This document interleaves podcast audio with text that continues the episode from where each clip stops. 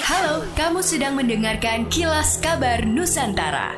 Podcast persembahan KG Radio Network menyajikan berita harian yang mengangkat keunikan dari berbagai wilayah Indonesia. Kilas Kabar Nusantara dapat juga didukung oleh pengiklan loh. Progres vaksinasi dosis pertama di Surabaya mencapai 97,5 persen. Program vaksinasi terus berjalan di berbagai sasaran kelompok dan usia, baik melalui serbuan vaksin yang diselenggarakan TNI Polri, BUMN, hingga vaksinasi serentak dari tingkat provinsi hingga kabupaten kota. Seperti di kota Surabaya, rangkaian kegiatan vaksinasi juga masih berlangsung di berbagai sasaran, mulai masyarakat umum hingga lembaga pendidikan. Wali Kota Surabaya Eri Cahyadi mengatakan bahwa jumlah dosis pertama di kota Surabaya saat ini sudah mencapai 97,5 persen dan dosis kedua telah mencapai 65,3 persen dan terus berprogres. Hal itu disampaikan Wali Kota saat bersama Forkopimda Kota Surabaya meninjau vaksinasi di Sekolah Santa Maria di Jalan Raya Darmo Surabaya, sekaligus mengikuti Zoom yang dihadiri oleh Kapolri dan Panglima TNI. Bahkan Zoom juga diikuti oleh Kapolsek, Camat, dan Lurah yang menggelar vaksin serentak sekota Surabaya. Pada kesempatan itu, vaksinasi serentak di berbagai titik sekota Surabaya menargetkan sekitar 9.000 lebih sasaran.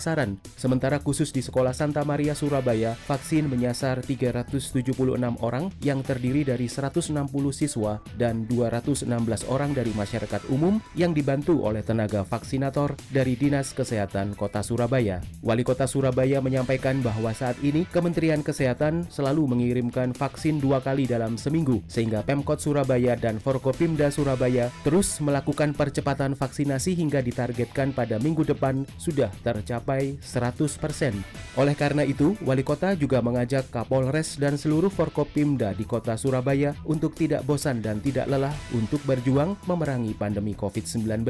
Sebab dengan kebersamaan dan kegotong royongan ini, Surabaya bisa menjadi hebat dan bisa turun lebih cepat dari zona merah hingga kini menjadi zona kuning dan dari level 4 menjadi level 2.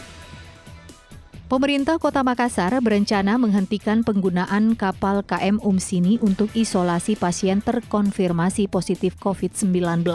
Putusan itu diambil menyusul pasien yang menjalani perawatan terus menurun dan banyak yang sudah sembuh. Wali Kota Makassar Dani Pomanto mengatakan, biasanya ada ratusan warga yang menjalani isolasi di kapal. Namun beberapa hari terakhir, tersisa 50 pasien yang menjalani perawatan. Dengan kondisi itu, Pemkot berencana menghentikan pemanfaatan KM Umsini dalam waktu dekat. Pertimbangan lainnya sudah banyak warga yang telah divaksin sehingga memiliki kekebalan terhadap virus corona. Dani mengaku tengah mencarikan sejumlah lokasi baru untuk tempat isolasi pasien COVID-19. Rencananya bakal memaksimalkan tempat isolasi yang sudah ada. Lebih lanjut, Wali Kota Dani Pomanto menyebut sejumlah dampak program isolasi apung yaitu pasien lebih cepat sembuh dan melandainya kasus aktif COVID-19. Demikianlah kilas kabar Nusantara pagi ini.